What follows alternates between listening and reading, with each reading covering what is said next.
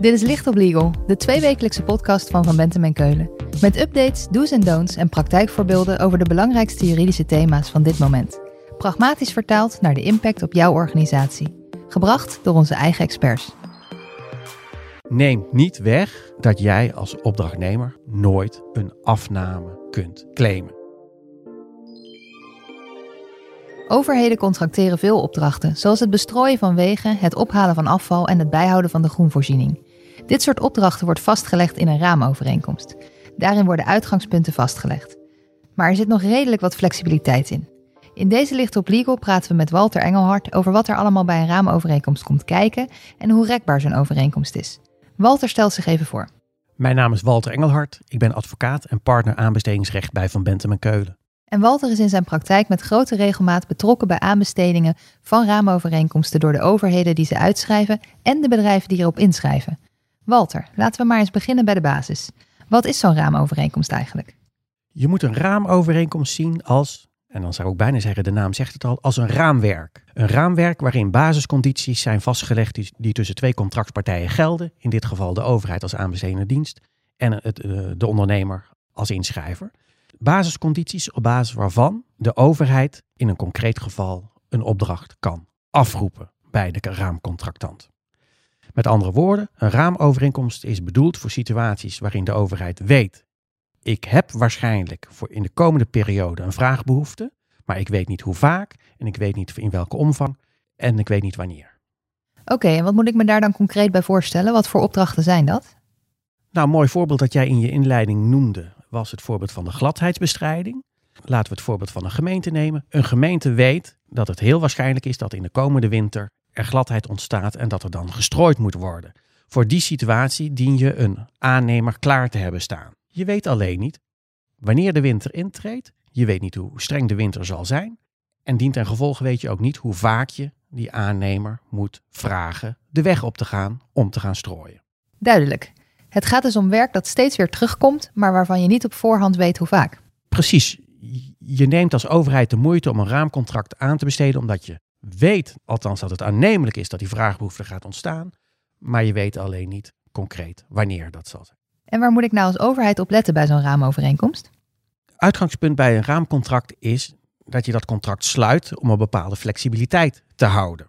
Jij wilt de vrijheid hebben om wel of niet te bestellen bij de raamcontractant. Daar staat tegenover dat wil jij een aanbesteding organiseren die succesvol is, dat je ook wel in bepaalde mate concreet moet zijn. Je zult twee dingen moeten doen. Je zult potentiële inschrijvers duidelijk moeten maken wat nou de potentiële waarde is van het raamcontract. Dat onderwerp is van de betreffende aanbesteding. Want op basis daarvan moeten zij bepalen: is het voor mij interessant genoeg om mee te doen? Of laat ik deze aanbesteding aan mij voorbij gaan? Twee, de inschrijver die besluit mee te doen, die moet voldoende informatie hebben om, om een verantwoorde inschrijving te kunnen doen. Als jij niet tastbaar maakt wat jij te vergeven hebt, dan kan een inschrijver ook niet een verantwoorde prijs afgeven voor zijn werk. Nee, daar zit dus een spanning, hè? Dus enerzijds is er de wens van flexibiliteit, anderzijds moet je als overheid concreet zijn. Je zei net, je moet het tastbaar maken. Hoe maak je de omvang van zo'n opdracht nou tastbaar? Belangrijk is om te vermelden dat het Europese Hof in eh, een arrest van alweer eind 2018 letterlijk heeft gezegd: je moet de maximale omvang van de opdrachten die je onder de raamovereenkomst wilt vergeven, moet je in de aanbesteding noemen. Ik noem het voor het gemak even een plafondbedrag. Dat plafondbedrag is dus heel concreet voor potentiële inschrijvers om te weten: oké, heb ik hier interesse in? Of heb ik hier geen interesse in? Dat is één. Twee, ja, dat plafondbedrag moet natuurlijk wel ergens op gebaseerd zijn. Het begint er natuurlijk mee dat de waarde wordt geraamd.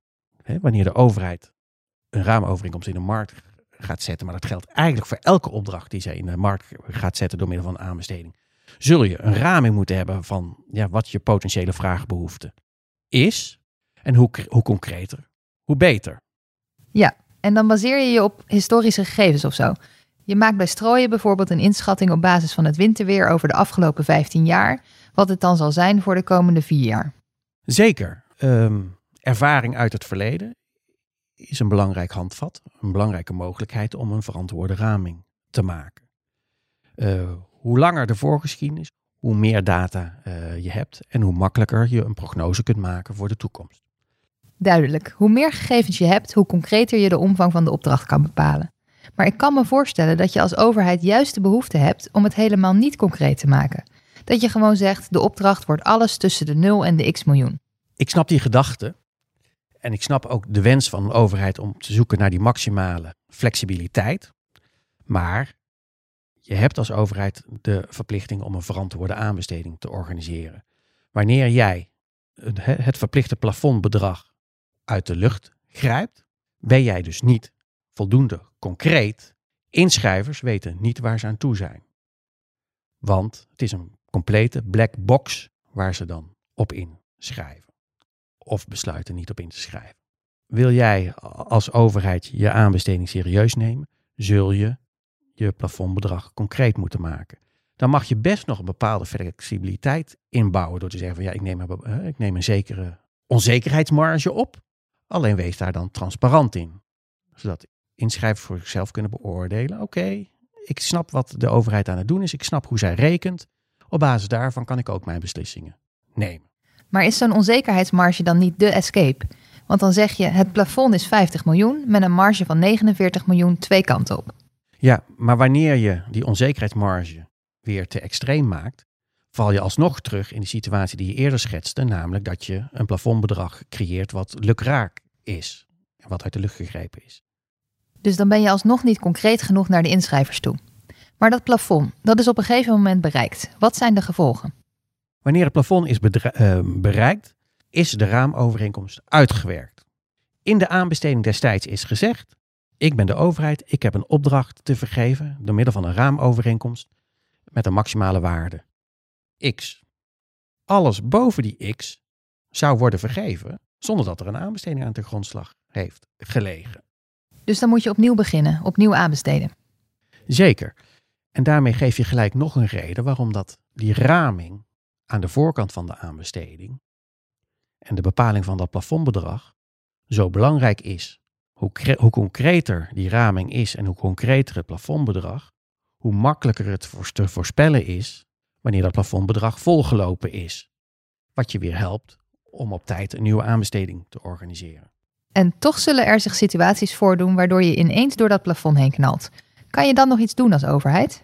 Dan zul jij dus als overheid voor die concrete situatie die zich voordoet, die concrete vraagbehoefte die zich voordoet, moeten beoordelen of de opdracht buiten een aanbestedingsplicht om vergeven kan worden. Nou, situaties die denkbaar zijn, uh, zeker in deze tijden van uh, corona, uh, ja, is het argument van dwingende spoed. Stel, jij moet als overheid nu zorgen voor mondkapjes, het voorbeeld wat we natuurlijk in het verleden hebben meegemaakt, dan heb jij niet de tijd om een aanbesteding af te wachten dan kun jij die vraagbehoefte nu, zonder het organiseren van een aanbesteding, eh, in de markt zetten. Dus in noodsituaties hoef je niet eerst opnieuw aan te besteden. Als die raamovereenkomst er dan eenmaal is, waar moet ik dan als overheid op letten? Wat ik hierop zou willen zeggen, is dat het belangrijk is dat de condities die je in dat raamwerk, die raamovereenkomst hebt vastgelegd, dat je die ook naleeft. En dan zou ik twee situaties willen onderscheiden. Enerzijds de situatie dat je een raamovereenkomst hebt gesloten met één raamcontractant. En anderzijds de situatie dat je een raamovereenkomst hebt gesloten met meerdere raamcontractanten. Met name in die tweede situatie zul jij dus in die aanbesteding van destijds hebben vastgelegd dat wanneer zich een concrete vraagbehoefte voordoet en jij een opdracht wilt gaan vergeven, ja, hoe dan die opdracht bij een van die raamcontractanten terechtkomt. Nou, dat kan op basis van volgordelijkheid zijn. Hè, dus dat je in de raamovereenkomst hebt vastgelegd. Beste raamcontractanten. De afzonderlijke vraagbehoeften die zich tijdens de looptijd van, de raamcontra van het raamcontract gaan voordoen, die zullen ombeurten bij jullie terechtkomen. En dat is iedere keer een vinkje zetten. Of iedere keer als zich een concrete vraagbehoefte voordoet, organiseer ik een mini-competitie. Met andere woorden, in de raamovereenkomst hebben we vastgelegd wat ieders prijs is dat wordt dan een maximumprijs. En wanneer ik als overheid dan een concrete opdracht wil vergeven, wordt er nog één keer een wedstrijdje georganiseerd en mag iedereen onder zijn eigen maximumprijs offreren. Nou, het voordeel daarvan is natuurlijk dat, uh, dat iedereen scherp wordt gehouden. Het nadeel daarvan is wel iedere keer als de overheid uh, een opdracht wil vergeven, de raamcontractanten weer werk moeten uh, verrichten, weer aan een competitie mee moeten doen. En dat gemorgen hoor je natuurlijk ook wel eens, ja, dat, dat die raamcontractanten het gevoel hebben dat ze iedere keer weer tot het gaatje moeten gaan met hun prijs. Om ja, überhaupt een, een, een deelopdracht uh, te scoren. Want anders blijft dat raamcontract een lege huls voor hen. En als ik nou als overheid zo'n raamovereenkomst heb, of dat nu is met één of meerdere partijen, kan ik er dan voor kiezen om er helemaal niets mee te doen? Bij een raamovereenkomst geldt als uitgangspunt dat de overheid in kwestie geen afnameverplichting heeft. Die raamovereenkomst is immers gesloten voor een latente vraagbehoefte. Om opdrachten te kunnen plaatsen op het moment dat er zich een concrete vraagbehoefte voordoet. Echter, wanneer je een aanbesteding hebt georganiseerd, op basis waarvan je één of meerdere raamcontractanten hebt geselecteerd om voor jou klaar te staan op het moment dat die concrete vraagbehoefte zich voordoet, past het niet om te zeggen: ik ga in een concrete situatie naar een ander dan een van de raamcontractanten. Je hebt wel een loyaliteitsverplichting. Ik merk dat daar in de praktijk nog wel eens een misverstand over bestaat.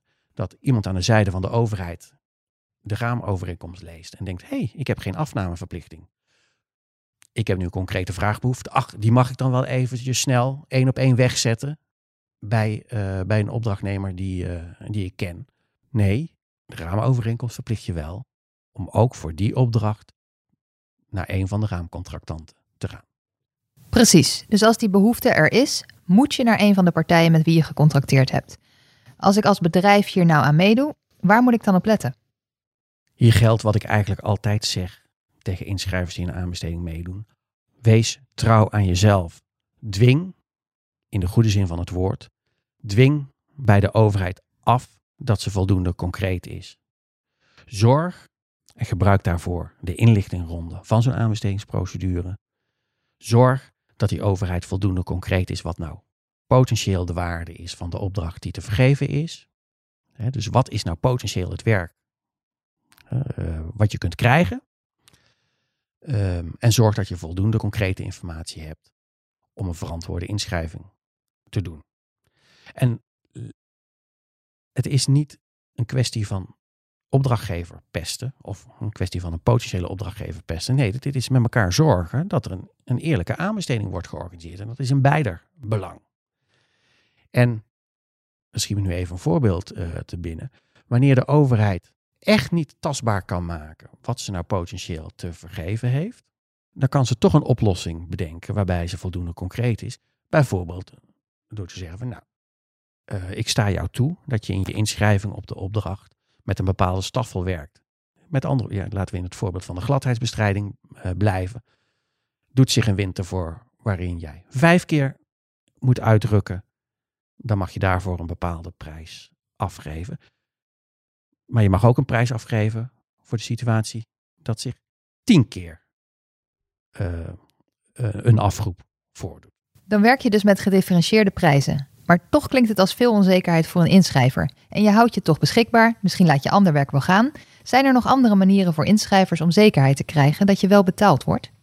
Ik zou daar twee dingen op willen zeggen. Eén, het is mogelijk dat de opdrachtgever in een aanbesteding een bepaalde beschikbaarheidsfee toestaat. Dus dat je als, laten we in het voorbeeld van de gladheidsbestrijding blijven, dat je als winnend raamcontractant een bepaalde vaste fee krijgt voor jouw beschikbaarheid. En anderzijds dus uh, een prijs krijgt per keer dat je wordt afgeroepen. Dat is allemaal mogelijk. En in die zin heeft de aanbesteder ook alle vrijheid om dat soort uh, bepalingen in de overeenkomst op te nemen. Neemt niet weg dat jij als opdrachtnemer, als raamcontractant, nooit een afname kunt claimen. Die flexibiliteit om wel of niet af te nemen zal de overheid altijd houden. Je zult moeten dulden ja, dat je in de wachtstand zit als, uh, als opdrachtnemer. Ja, dat is een afweging die je moet maken. Walter, om af te sluiten. Als er één ding is wat ik moet onthouden, wat is dat? De belangrijkste boodschap waarvan ik denk dat ik die mee moet geven is dat je als overheid in situaties die, zich daarvoor lenen zeker moet overwegen om een raamovereenkomst te sluiten. Dat geeft heel veel comfort voor de periode die voor je ligt. Maar zorg als overheid dat je die aanbesteding zorgvuldig organiseert. Want een goed begin is het halve werk. En een goed begin betekent zo concreet mogelijk zijn in wat jij potentieel te vergeven hebt. Zodat die inschrijvers weten twee dingen. Doe ik mee, ja of nee? En als ik meedoe, welke prijs leg ik neer? Dankjewel. Als we meer willen weten, waar kunnen we dan terecht? Mensen kunnen me altijd bellen of mailen. En mailen kan op het mailadres walterengelhart.vwk.nl Dit was Licht op Legal, een podcast van Van Bentem en Keulen. Te beluisteren via Spotify, Apple Podcast of je eigen favoriete podcast-app. Wil je meer weten? Heb je suggesties voor een onderwerp? Of wil je dat onze experts hun licht laten schijnen op jouw juridisch vraagstuk? Laat het ons weten via vbk.nl/slash lichtoplegal.